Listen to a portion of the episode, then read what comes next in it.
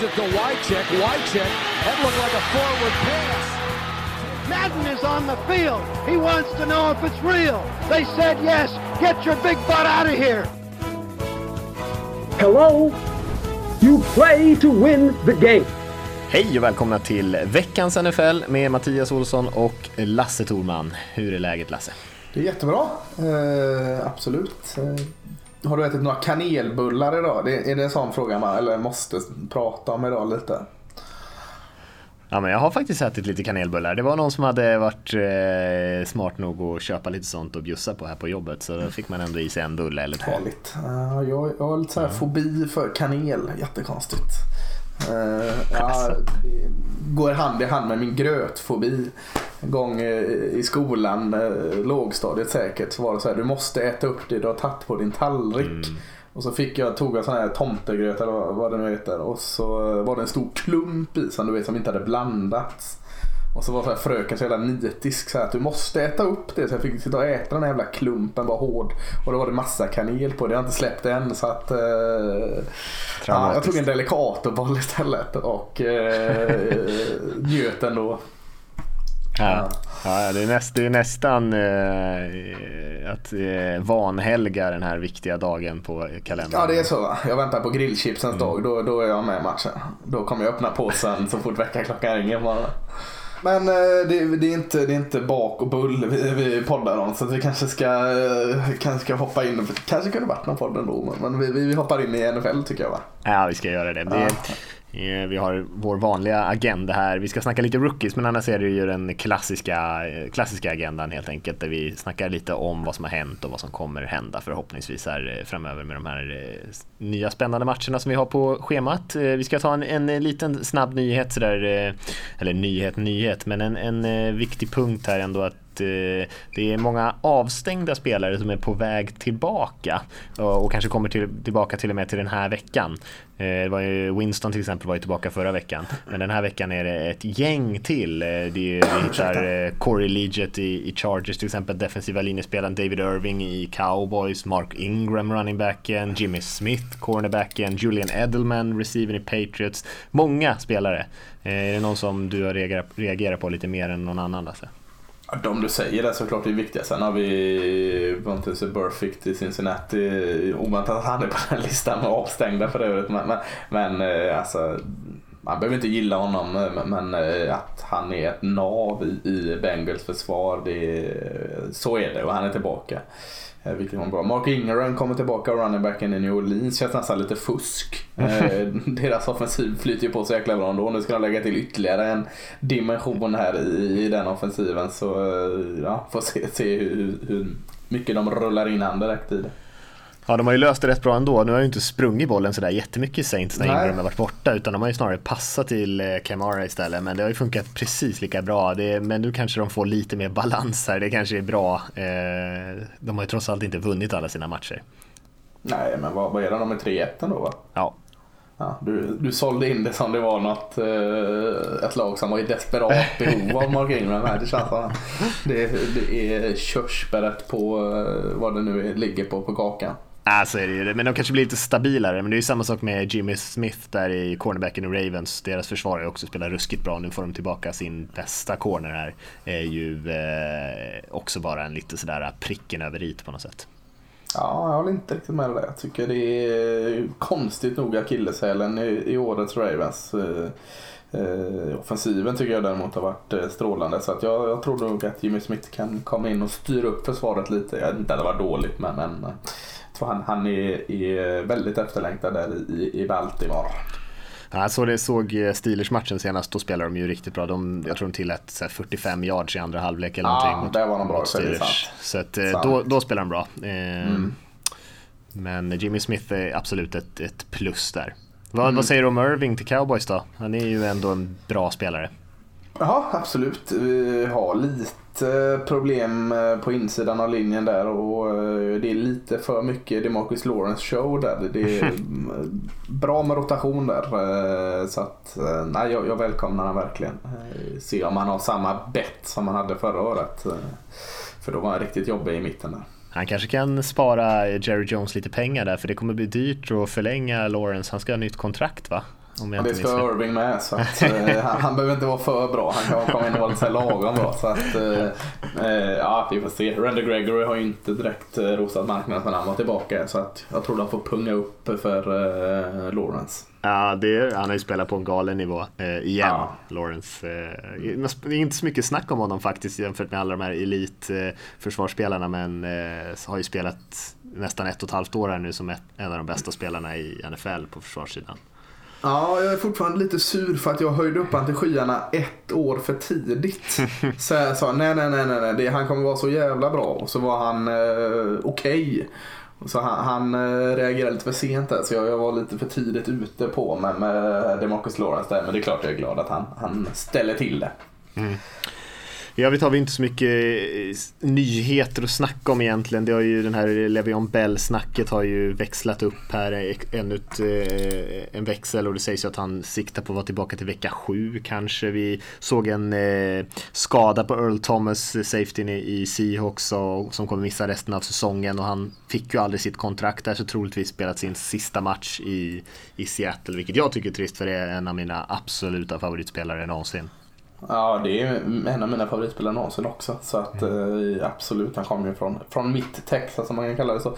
Vad, vad tycker du om den här eh, sortin han gjorde det lilla, när han eh, flipped the bird? Eh, och, och säger man som Seahawks-fan och det, förstår man det eller rycker man på axlarna eller hur, hur tacklar man en sån? Uh, alltså jag rycker nog på axlarna. Alltså han är ju väldigt speciell, Earl Thomas. Han är en väldigt speciell mm. person, precis som Marshawn Lynch var en väldigt speciell person. Så man tar ju allting med en liten av en nypa salt. Men man mm. förstår ju hans känsla liksom. Han har ju kämpat för ett långt kontrakt för att ha en trygghet och, om han skulle skada sig. Och sen skadar han sig. Sen tror jag inte att han riktade det till sina lagkamrater och så, så som han har en bra relation till. Men det var nog organisationen, ledningen som fick ett eh, stort fuck you där bara. Och, eh, ja, det, jag kan se, jag förstår det från hans sida att eh, han är inte så nöjd med hur det här har skötts liksom. Här, du står, eh, bara för att få ett scoop här, så eh, Mattias Olsson står alltså bakom eh, ett eh, finger mot Seattle Seahawks organisation i denna frågan. en liten så här, det kommer, vi gör ju alltid en sån här redaktionen tycker till. Jag tror inte vi har publicerat den än, men en liten äh. spoiler där. Eh, så var ju min eh, åsikt där kanske att man inte alltid måste välja sida i de här Nej, grejerna. Utan man kan liksom hålla med båda sidorna utan att behöva. Men vi, ja, vi är ju lite i en tid här nu när det, man ska alltid stå på en sida och eh, det måste man kanske inte alltid göra i sådana här grejer. Du kör Sverige i andra världskriget? Där. Precis, mellanmjölk. Ja. Ja, Landet ja, det, lagom. Ja, du kommer undan med detta. Det var då fan. Eh, om vi ska hoppa till eh, och snacka lite om veckan eh, så tänkte vi Lasse att vi skulle köra det lite mer i rubrikform än vad vi har gjort tidigare. Mm, ja det låter ju bra. När jag inte fick min rubrik att du tar någon sida där så får vi ju jobba in de här rubrikerna. Så shoot!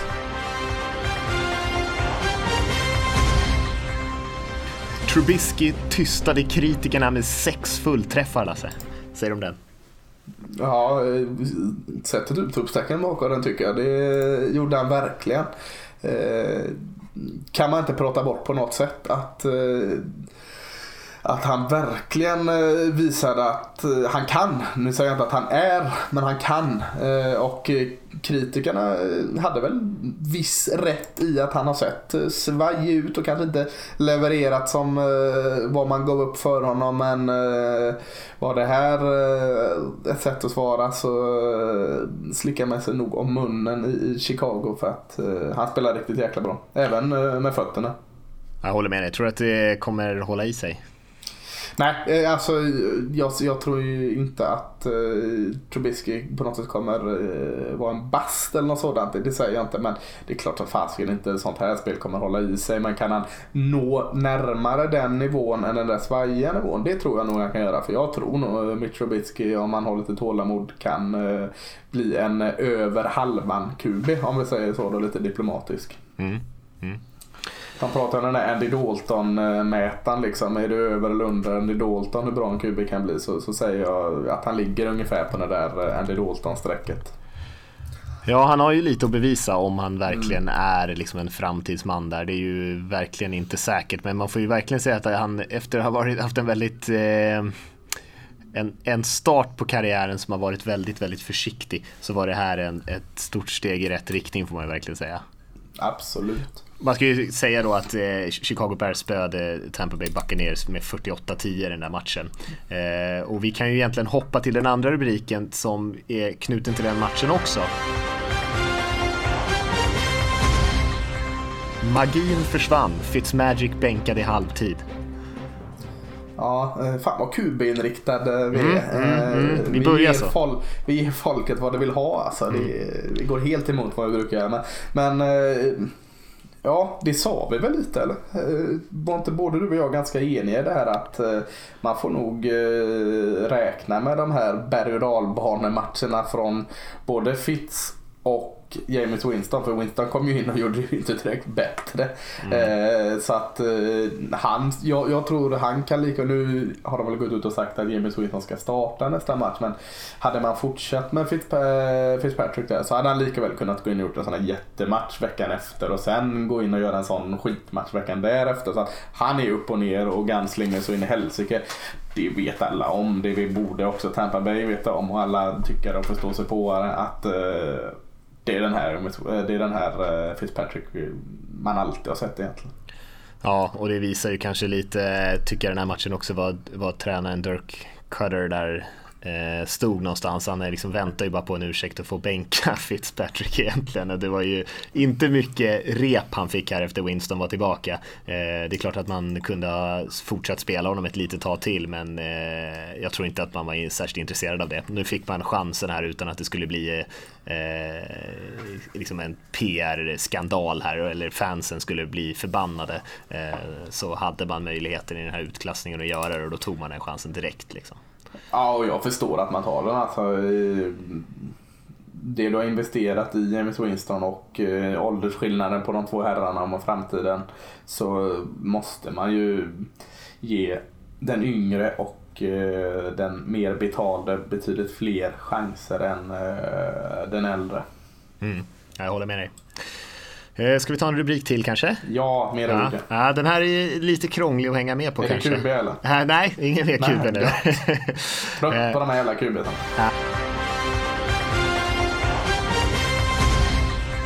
Eh, Patriots gick the Cove på Miami i Foxborough. The Co, är det någon punchline jag inte fattar ännu? Nej, jag tänkte-. Tänkte att den var lite klurig. Eh, The Cove är en eh, film om eh, när eh, egentligen masslakt av delfiner i, i Japan. En eh, uppmärksammad dokumentär kan man säga. Ah, okej. det Så har man inte sett den så var den lite Nej, långsökt. den har jag inte sett. Nej. Jag har bara sett den här som jagar valjägare. Det är nätverken i Japan. Men, eh, ta den igen, jag har redan glömt. Patriots gick the Cove på Miami i Foxborough. Ja, ja, helsike. Eh, vi och många andra byggde ju upp Miami. Kanske lite med det här i bakfickan att de inte var så bra som de, som de hade startat. Och eh, la väl ändå in det att eh, de...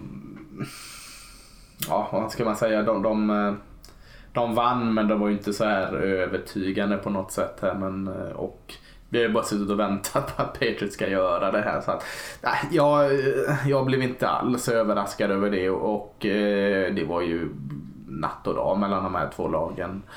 Och, och Patriots visar att den här divisionen kommer vara deras till något annat lag visar någon form av eh, satsning eller lyckad eh, matchplan för att eh, Patriots har det för enkelt i den divisionen helt enkelt och det syntes så väldigt målande bild i den här matchen.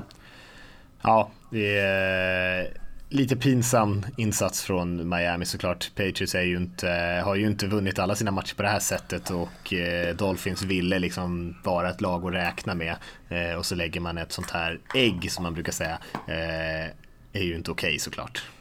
Nej, och jag blir mer och mer nyfiken på, och detta här kan man ju vrida och vända med alla lag så att liksom haka inte uppe på det nu men att sätta New England Patriots i en annan division här och se hur, hur deras eh, hur deras senaste 10-15 år hade varit. För att, jag menar, Miami, Buffalo och eh, New York Jets, de har inte gjort annat än att snubbla på sig själva eh, år ut och år in. Och det är ju gratis mer eller mindre för Patriots. De har inte behövt vara så bra som de var än. Så hade, varit, hade man till exempel bytt ut eh, Oakland och New England och sätta New England med eh, Chiefs, Broncos och, och Chargers. Så eh, det hade varit spännande. Mm.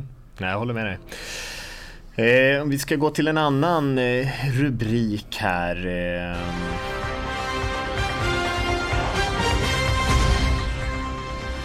Elliots 240 yards säkrade vinst mot Lions. Ja, eh, jäklar han var bra. Mm. Eh, ger mycket cred till offensiva linjen som har med all rätt fått en del kritik för att de, de har inte riktigt eh, sjuka höga krav på den offensiva linjen också. Så att ja. eh, de har spelat okej okay innan. Nu eh, steppar de upp lite och eh, tror de var trötta på det här att de fick någon form av eh, skuld i detta. Så att, Tillsammans med den offensiva linjen så hade Zeke Elliot en fantastiskt fin match. Han, han var ju hela deras anfall och eh, han hade inget val för att eh, trött offensiva koordinatorn Scott Linehan eh, gameplanade bara efter Zeke Elliot. För jag menar, eh, den här passen i slutet av matchen också är ju väldigt talande. Att man litar inte ens på sina receivers utan slänger ut Zeke på någon form av wheel route och, och låter han göra det även där. Så att eh, han hade inget val än att avgöra det för Dallas och, och strångt av att göra det. Ja, jag tror att det var extremt skönt för cowboys också. Jag såg, eh, de filmade ju Elliot där såklart, men så såg man eh, Dak Prescott i bakgrunden och han var ju, det, var, det kändes som att det var liksom en vikt där som föll av hans axlar lite grann. Han gjorde det jävligt bra också såklart och, och vända den här matchen ju starkt. Jag gick ju in och live-bettade lite grann på Matthew Stafford där när, när de låg under med 10 poäng. Eh, för han är ju så jäkla bra i slutet och han vände ju mm. faktiskt och sen tog cowboys tillbaka ledningen så att jäkligt starkt men eh, Prescott, det var nog extremt skönt för honom att få den här comeback-vinsten här i den här matchen ja. tror jag. Lite roligt var eh, Dallas avgjorde på en field goal där i sista sekunden som man hade spelat till sig med den här långa wheelrouten bland annat. Men eh, sägs att eh, någon i familjen eh, Jones sa till Jerry Jones att eh, missar han den här sparken nu så får vi börja kolla efter hus i Mexiko. då, då, då, får vi fly Texas alltså, vi klarar inte detta. Ganska skön självinstinkt ändå. Eh, när man står där matchen är på, eh, på linan och knackar på, på Jerry och säger ja vi får börja kolla ut på Mexiko om vi missar den. Mm. Finns något hopp om att det finns någon form av eh, instinkt att det har varit dåligt innan. Ja, verkligen. Ja, du, du har använt min, min inre göteborgare lite grann till nästa rubrik. Alltså. Mm. Vinartieri slog danskt rekord. Ja, det, fan vad dåligt. Det är tur att det inte är Göteborg. Du, du hade inte klarat en dag här nere. Nej, jag håller med dig. Nej, eh, ja, du tänker på kicken i numera Colts va? Som eh, slog den gamla Mårtens eh, antal sparkade field goal eh, satta. Det var en konstig förvrängning av, ja, av det rekordet. Det var lite bak och fram men jag fattar ja, vad du menar. Men eh, det var det du syftade på där va? Nej men eh, ja. Mårtensens där ja, gamla rekord. Mårtensen ja, mm. inte Mårten. Uh, Nej, Mårten, ja, Mårten Andersson hette han Mårten Nej, du hade rätt ja. Jag hade fel. Ja. Ja. skönt, skönt. Yes.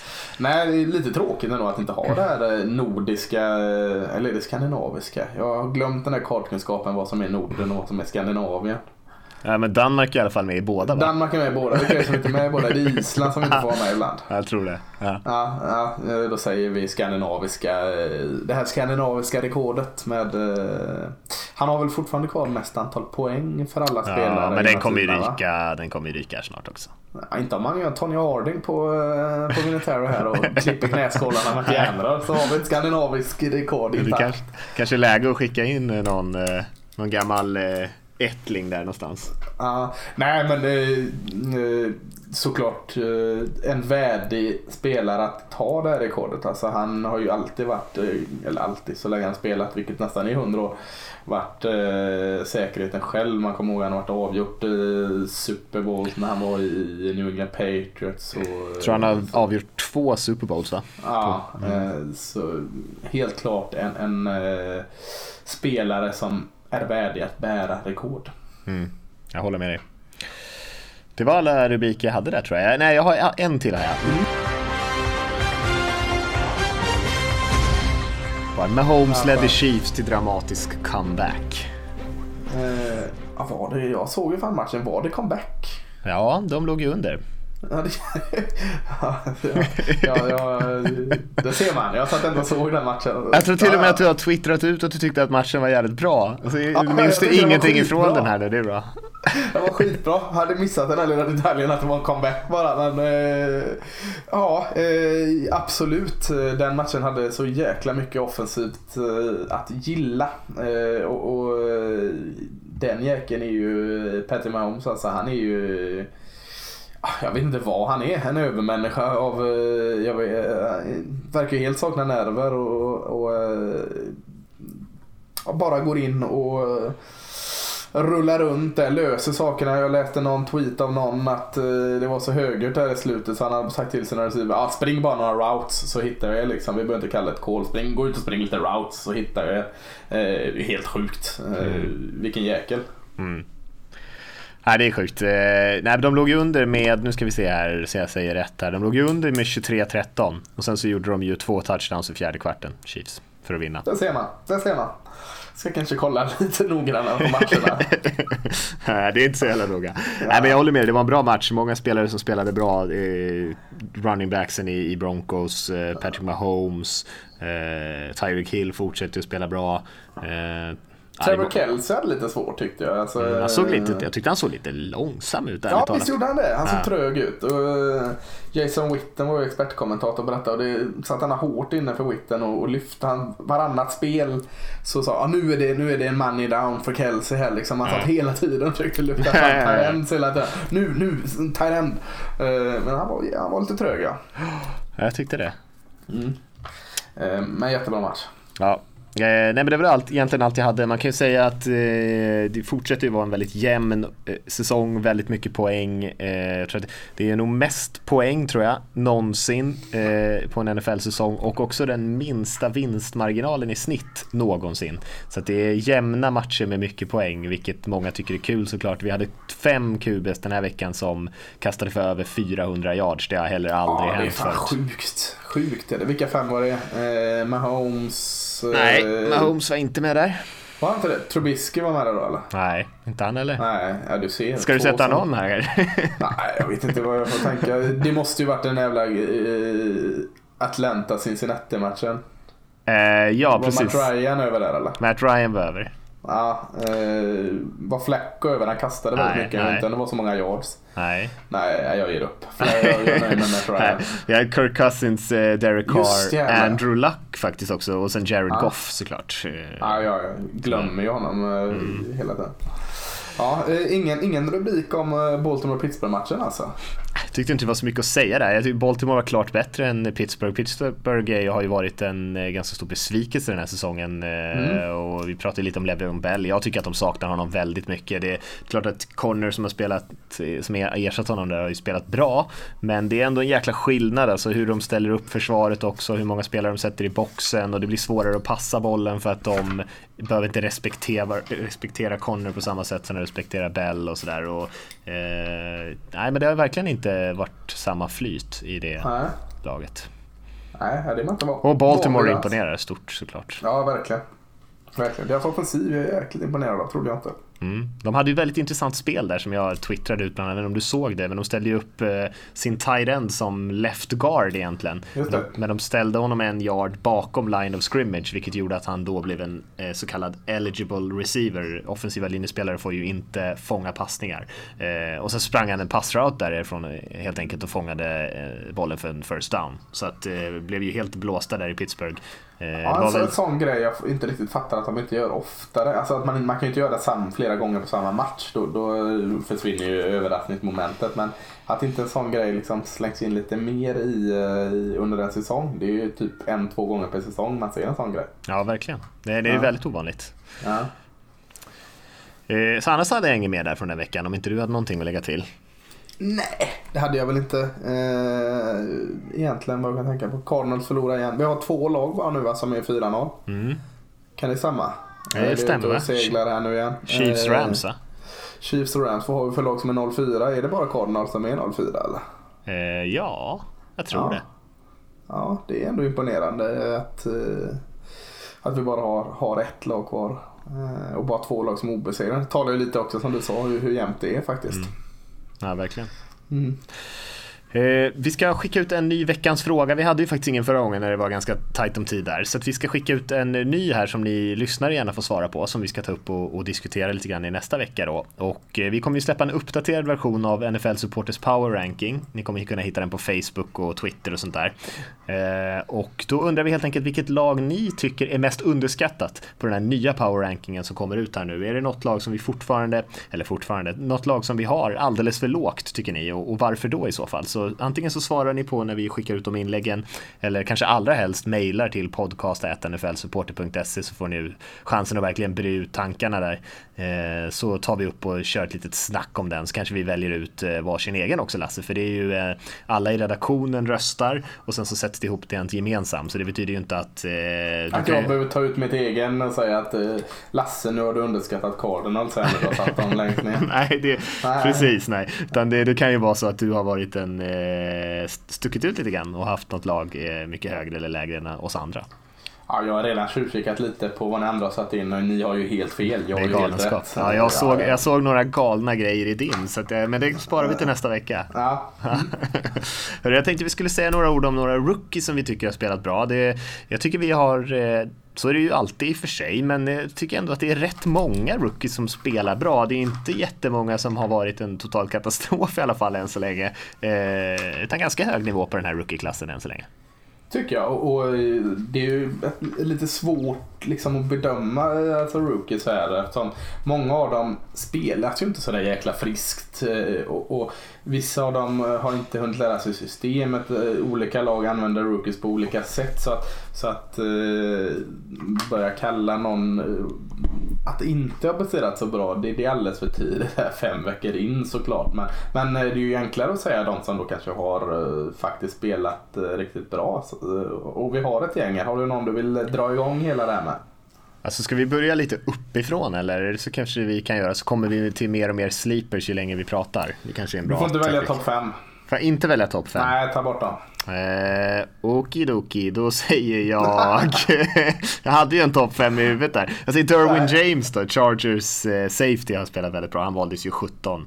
Eh. Ja, jätte, jättefin. Eh, var ju dominant i college också. Hade något snack innan, jag har redan glömt, man glömmer så snabbt varför han föll lite där. Det var någonting, någonting, eh, kan ha varit någon skada kanske. För han pratades det ju väldigt länge in i draften att han skulle gå typ topp 5, topp 10 i alla fall. Mm. Eh, och han har spelat som, som en topp 10-spelare jättebra, håller med dig helt där. Eh, jag har i den, eh, ungefär de trakterna så valdes eh, offside attacking Colton Miller eh, från UCLA och jag fattar inte vad Oakland Raiders gjorde när de tog honom. Jag, jag, hade sett honom massa gånger och var inte alls håll på honom. Nu säger jag inte att han har gått in och, och dominerat på offensiva linjen men han har gått in som left tackle i Oakland. Oakland som i varje fall har haft en, en stark offensiv linje. Svajar väl lite nu men jag tycker han har, jag säger inte att han är skitbra där men han har gått in och gjort ett fullgott jobb tycker jag det jag sett och eh, det är väldigt överraskande. Ja, jag håller med dig. Eh, om vi fortsätter hoppa ner där. Calvin Ridley har väl ingen missat eh, receiver i Falcons som vi pratade ja, ganska... Tacksam, tacksam roll där med Julio Jones på andra sidan som såklart åt sig mycket av markeringen. Absolut. Eh, kör mycket en mot en där på sin kant, Calvin Ridley och då är han för bra. Ja, han, de har ju, han har ju mycket som är, ligger honom i skålen så att säga. Både en väldigt duktig quarterback såklart, ett passvänligt system och, och som dessutom har haft sin bästa running back skadad så man kanske passar bollen ännu mer än vad man brukar och sen så eh, Jones på andra sidan. Det, det är mycket positivt. Men han har imponerat tycker jag. Han har spelat riktigt bra. Jag är inte så förvånad över det i och för sig. Två andra receivers som jag eh, tycker också har gjort det väldigt bra. Jag har pratat om Antonio Calloway i Cleveland innan. Jag tycker mm. han ser eh, verkligen bra ut och det visste man lite. Han hade så sjukt många problem utanför eh, planen som gjorde att han föll i draften. För han, han var verkligen, han är jättelovande. Och, och även senast tyckte jag jag såg glimtar av Cortland Sutton i Denver Broncos där som jag gillade skarpt. Jag har inte sett allt med Broncos i år men det jag såg av han sist mot Chiefs gjorde att jag ändå känns som att han, han har hittat sin position väl där. Så det, det är två andra receivers som jag tycker är värda att lyfta. Verkligen, jag håller med dig. Ja. Eh, ska vi hoppa ner lite grann då, kanske lite längre ner? Om vi kommer hela vägen ner i tredje rundan där så tycker jag två spelare som valdes efter varandra egentligen där. Fred Warner som spelar linebacker i 49ers och eh, Royce Freeman som spelar running back i Broncos. Båda har spelat bra. Nu har ju Broncos flera duktiga running backs som är rookies. Eh, om man ska mm, Philip Lindsey där också. Philip Lindsey som gick odraftad till och med, som kanske är ännu mer av ett utropstecken. Men jag tycker båda de här två spelarna som jag nämnde nu här, Warner och Freeman, ser väldigt bra ut. Ja, det är faktiskt Warner från BYU, den mormonskolan har gjort det jättefint, kommit in bra och, behövs i San Francisco. Den typen av spelare tycker jag känns jättebra. Och Royce Freeman, alltså det är jättekul det här att Royce Freeman från Oregon och, och Philip Lindsey, hemmasonen från eh, Boulder, Colorado, eh, kommer in, alltså blir första och andra running back i, i eh, mm. Broncos och de, de roterar dem fint och de är två olika. Freeman kanske är den lite mer eh, större och, och, eh, ut på, på sweepsen och Lindsey ettrig jäkel. De har en fin kombination båda två. Och det, det måste vara väldigt unikt att man, man rullar in två running backs som direkt ser ut att vara, eh, liksom, har varit det jämt. Mm. Mm. Så, så de, de, eh, de två tycker jag absolut. Jag, eh, om vi ska gå lite mer på eh, secondary så vet jag också att du gillar det du har sett av snabbe Dante Jackson, cornerbacken i Carolina. Mm. Även Jesse Bates, safetyn i Bengals, tycker jag har, har kommit in och gjort det bästa av den tiden han har fått det. Så det är två, två i secondary som jag verkligen gillar. Ja, jag håller med dig. Jag tycker Maurice Hurst, defensive tacken i Raiders, har spelat väldigt bra. En sån här spelare som mm. föll av liksom karaktärsskäl kanske som... Eh, Nej, det var väl hans eh, medicinska där, hans hjärta var någonting va? Ja, var det det det var? Ja, jag hade fått för mig att han... Du hade... blandar ihop honom med Arden Key som också är ja, Oakland där. Han var det något iffy om hans karaktär där, som också var bra, ja, tycker visst.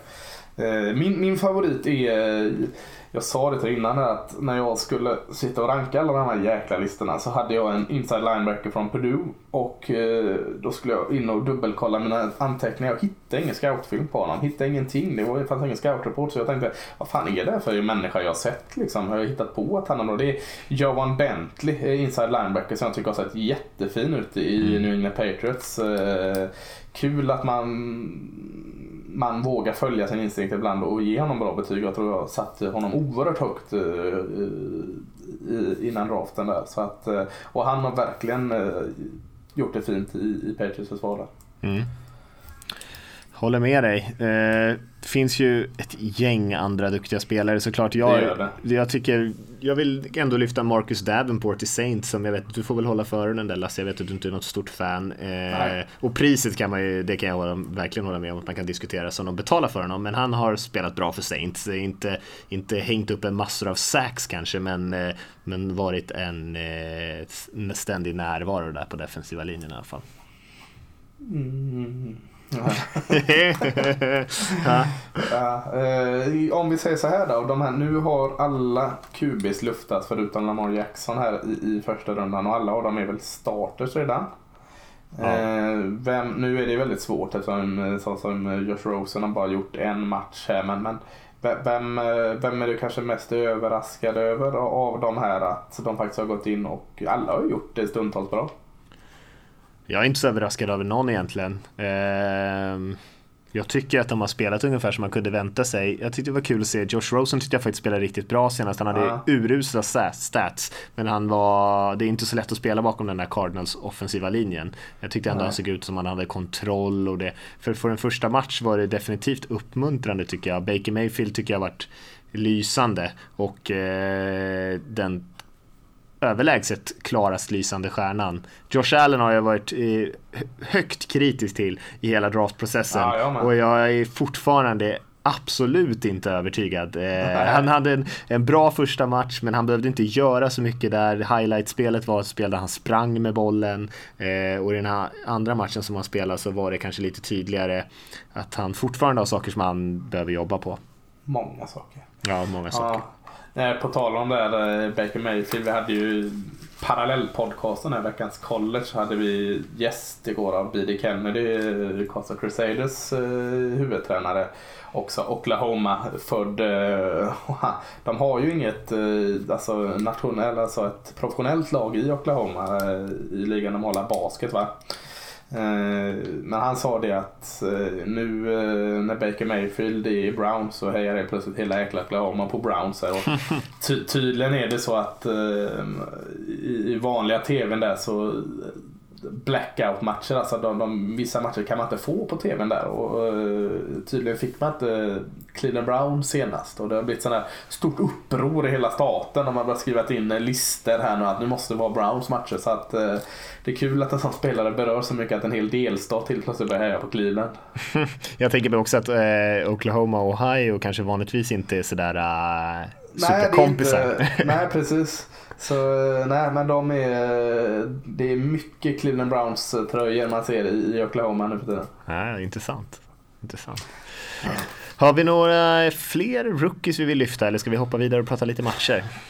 Vi har väl säkert fler men det blir jävligt mycket ältande om vi ska sitta igenom sju runder. Så att, no, jag tycker vi kollar på lite vad som kommer här i veckan. Ja, och eh, det är ju ett par stormatcher men annars eh Kanske inte en sån där toppvecka som hade vi, vi hade vecka två där, men ändå ett gäng matcher som kan bli riktigt spännande. Jag tycker att framförallt kanske vi kan prata om en match som Falcons Steelers där vi säkert kommer få se precis den typen av match vi har sett den här säsongen där det är jämnt, mycket poäng eh, och eh, ja, den kan säkert bli väldigt underhållande tänker jag mig. Ja, det känns väl lite som en måste-match för båda här. Jag menar, Falcons är 1-3 eh, och, och, Pittsburgh är väl egentligen 1-3, 1-2-1 där med krysset mot Cleveland. Eh, båda lagen tycker jag lider lite av samma problem. Alltså man, man har saknaden av ett fungerande springspel är tydligt. Eh, försvar som, som läcker eh, eh, kanske avgörs vem som hittar en lösning på det här problemet först. Eller så blir det en sån här klassisk eh, gunslinger-match med Matt Ryan och sina receivers Jones och Ridley eh, versus Ben Roethlisberger och Brown och Smith-Schuster där. Så att det finns ganska många roliga element i den här matchen. Plus att den betyder väldigt mycket som gör att det tycker jag är en match som är värd att cirkulera in och kolla. Ja, verkligen. Eh det känns som du säger att de här lagen är lika, de är ganska jämna, eh, kanske lite bättre än sitt record. Eh, båda spelar i en väldigt tuff division, så det finns verkligen inte något utrymme för att slarva. Och den starten som de har fått här båda två, eh, båda ju inte gott. Och jag tror att det finns en god chans att de här, båda de här lagen ligger riktigt risigt till för en slutspelsplats. Eh, så verkligen måste match för båda. Mm. Mm. Vi har en annan spännande match tycker jag på ett helt annat sätt. Det är två lag som är extremt olika kanske. Det är Jacksonville Jaguars som spelar borta hos Kansas City Chiefs. Då är det liksom det tunga eh, försvaret mot det explosiva anfallet. Ja, verkligen. Du håller med dig helt där. Alltså, två kontraster där. Och, ja, tills eh, Patrick Mahomes slutar upp att vara så bra så kommer jag cirkulera in varenda jäkla Chiefs-match. Alltså. Försvaret är ju kass. Jag hörde ju det snacket, jag vet inte om det var i Senni eller vad det var där, men att, att det var väldigt nära tydligen att Chiefs hade redan börjat göra plats eh, för att komma under lönetaket för att faktiskt trada till sig Earl Thomas från Seahawks. Mm. Eh, och, och det var han Rappaport som i vanlig ordning går ut med sådana grejer och sa att de var bara dagar ifrån liksom och, och, och få lås den här traden. Eh, men nu såklart så sket han ju i det. Eh, ja. och det, det, hade ju behövts för att försvaret i Chiefs kan man ju inte blunda för trots hur mycket man vill, vill flagga för offensiven. Och, och Jacksonville kanske är, är lite mer jämnt då, alltså defensivt väldigt starka men tycker ändå, alltså, du kommer nog aldrig höra mig säga att Blake Bortles är en fantastisk quarterback men jag tycker ändå han har gjort ett fullgott jobb och det finns eh, tendenser i den här offensiven som jag gillar. Nu, nu är Fournette eh, till och från hel och inte hel där men eh, Jacksonville styrkan för försvaret såklart men, men det har känts som ett stabilare lag kanske men, men ah, ja, med Patrick Mahomes hemma på Arrowhead, fan hur stoppar man dem? Nej, det kommer bli svårt tror jag. Jaguars är också...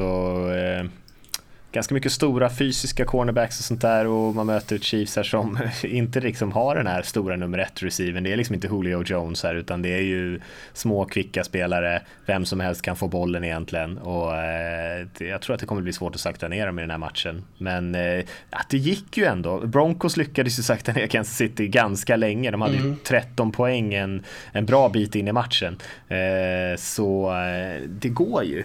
Och är det någon som klarar av det så är det väl kanske de som har den här typen av försvar som, som Jacksonville, Broncos eh, med en, liksom en dominant defensiv linje och, och hyfsade corners till och med. Ja, det är en liten match den matchen. Kaxiga Jalen Ramsey mot kaxiga Patrick Mahomes här. Vem mm. vinner av uh, två ynglingarna? Ja, verkligen. Tyreek Hill kanske hamnar mot Ramsey lite grann. Så har vi en mm. riktig matchup där på, på ja. utsidan. Så ja, man kan ju lyfta, jag tycker D Ford spelade riktigt bra för Kansas City ja, förra matchen. Absolut, jag tänkte faktiskt på det när jag sa att jag sopade hela deras försvar under mattan där. Men D Ford var faktiskt bra. Och samma sak i Falcons kan vi lyfta Tack McKinley också tycker jag som mm. har spelat riktigt bra för dem. Eh, tyvärr så har ju båda de här spelarna varit lite väl ensamma kanske i sina respektive försvar, men ändå. Mm, absolut. Någon annan match du ser fram emot? Ja, jag vet inte varför den lockar mig men uh, det är ändå en, innan divisionen. Baltimore uh, möter Cleveland i Cleveland. Där nyfiken är att se liksom vilken fot Cleveland ska landa på här nu. Jag tycker de, de har kommit ner lite nu efter den där första vinsten som var en orimlig hype. Eller orimlig, det är klart det var en hype när man inte vunnit på 111 år. Där man, uh, eh, man har tagit ett steg tillbaka. Alltså Baker Mayfield är bra men han var inte han var lite mer slarvig förra matchen kanske. Och, och, och Baltimore som tuggar på här, eh, som du säger, ett bra försvar. Jag säger att det är ett okej okay försvar om man mäter det i Ravens mått mätt. Men med ett jättebra offensiv jag såg matchen senast här mot Pittsburgh också och blev väldigt, liksom så här, varje gång Fläck och passa tänkte jag, vem fan tog bollen nu? Det var hela tiden en ny mottagare.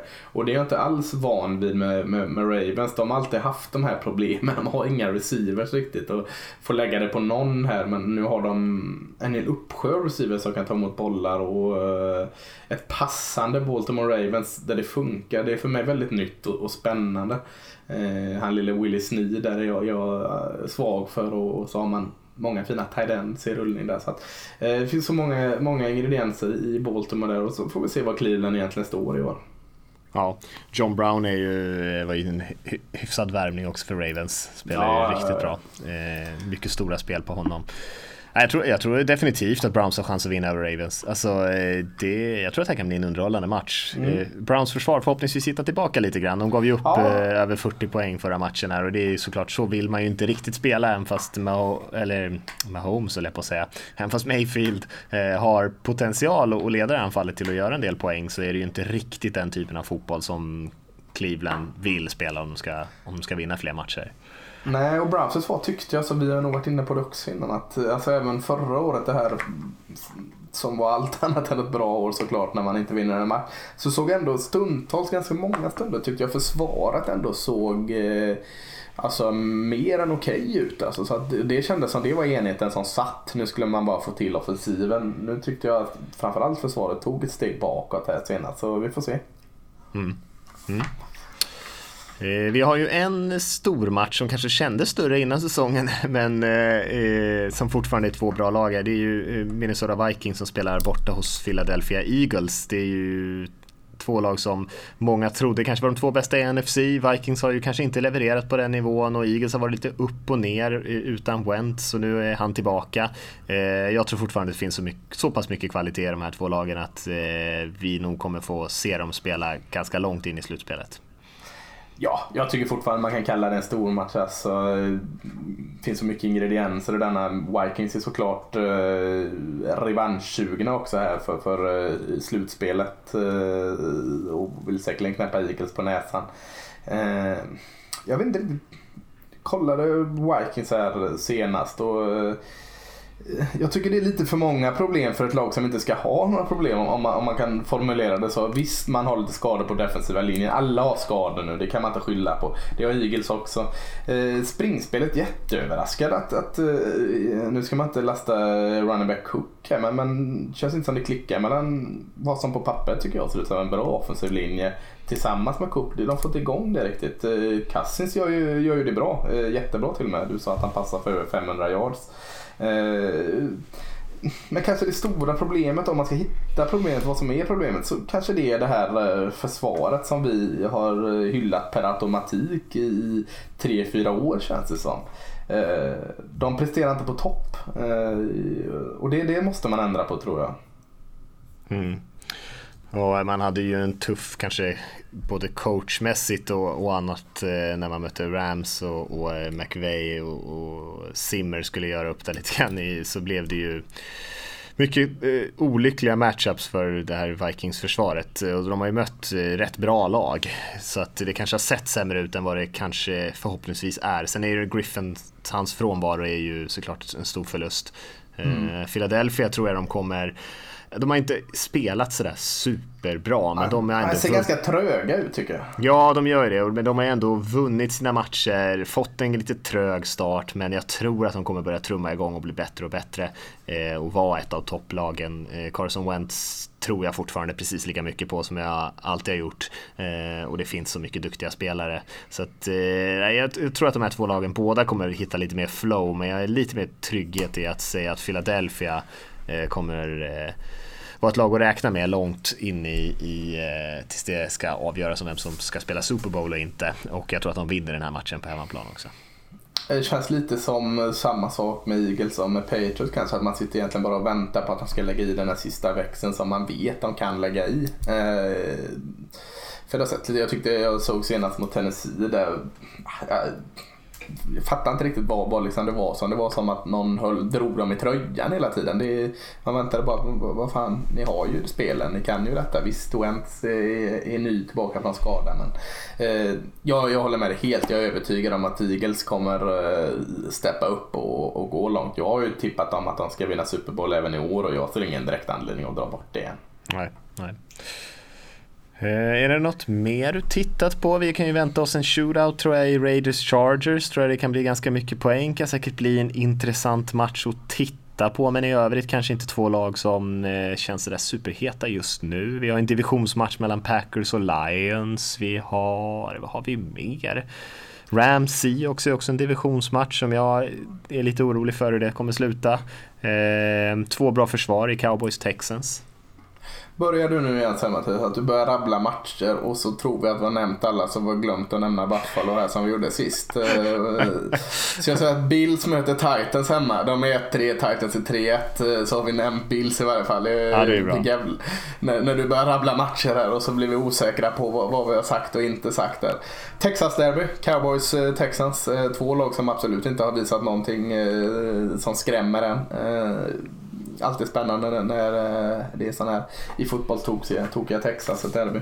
Kan bli kul. Ja, JJ Watt vaknade till liv förra matchen här så eh, eh, får man hålla lite extra öga på. Mm. Ja, men det, det är det som du sa, det är inte de här riktiga toppmatcherna kanske men det är en del alltså, spännande matcher eh, ändå tycker jag jag vet inte om du nämnde Cardinals 49ers, det är ju inte, inte på något sätt jättespännande. Men, men det är ju en divisionsmatch. Jag menar alltså, det finns sin spänning i den med. Liksom, även att den, den inte egentligen är så spännande så går det att hitta spännande eh, alltså, ingredienser i alla de här matcherna. Det gör ju det när vi, när vi har en sån här jämn liga som vi har pratat om. Alltså, alla kan faktiskt slå alla här. Så att, så att helt plötsligt så kan, kan eh, ja, nu säger jag inte Cardinals 49ers för jag har svårt att tro att liksom, någon av dem ska övertyga. Men helt plötsligt kan Oakland vakna till liv eh, Eh, mot eh, Chargers här och, och, och bränna ut 48-22 liksom. Och så, jaha, är Oakland att räkna med nu? Så att man vet, det är väldigt svårt på förhand där att säga vilka matcher man egentligen ska ringa in. Mm hela AFC West har ju varit en, eh, alltså Raiders har, är ju, eh, är ju 1-3 och det var ju bara en hårsmån ifrån att de skulle vara 0-4. Men hela den divisionen där Chargers fortfarande är ju liksom ett bra lag, eh, men känns ändå som att de har två lag framför sig, de här två med både Broncos och Chiefs som har spelat bättre. Så eh, hela den divisionen har ju varit ganska intressant och fortsätter vara ganska intressant där med, med John Grudens eh, return där till, till Oakland. Eh, Eh, så det finns ju alltid ja. något att hitta i alla matcher, det håller jag med om. Jag tycker Broncos är intressanta. Alltså, jag trodde inte alls på dem i år. Eh, och tycker de ser väldigt intressanta ut offensivt. Jag tror inte Case Keenum är någon frälsare på något sätt, men han har gjort ett fullgott jobb där. Om springspel. Möter ju Jets då för att nämna ytterligare en match i New York här. Och, och eh, Jets börjar mer och mer bli Jets igen här efter Sam Darnold-effekten och vinsten har lagt sig lite. Ja. Sen har vi Panthers också som spelar väldigt bra som vi inte pratar så mycket om. Eh, som möter Giants hemma. Mm, eh, och mm. kan ju gå till 3-1. Gör de lätt. Mm. Jag skulle tro det också. Ja. Eh, nej, det var kanske Nej. det Lasse. Ja, de som säger att deras lag inte har nämnts så eh, får ni skriva in och skälla på oss. Vi har bara nämnt Buffalo och jag vill bara stryka under det. Ja. till, och med, till och med Cardinals eh, nämnde ja, vi. Chargers var det vi inte eh, nämnde senast också och det har vi ju nämnt också. Ja. Så vi har täckt Buffalo och eller Chargers här, så vi, vi, vi är lugna. Ja. Det, vi, tror du så att våra lyssnare är så här lättkränkta? Eh, jag hoppas det. Det är ju fantastiskt Du såg ju själv hur jag rasade på en kvart när Golden Tate firade lite för mycket. Jag, blev kränkt så in i helvete. Klarar inte av honom alltså. Jag har alltid gjort det. det ja. Han är min kryptonit. Ja, jag såg den och tänkte så här, nu jävlar, nu kokar det i Lasse. Ja, kokar i Lasses huvud. Så in i helsike. Han kan trycka på mina knappar den jäveln. Ja, verkligen. Ja.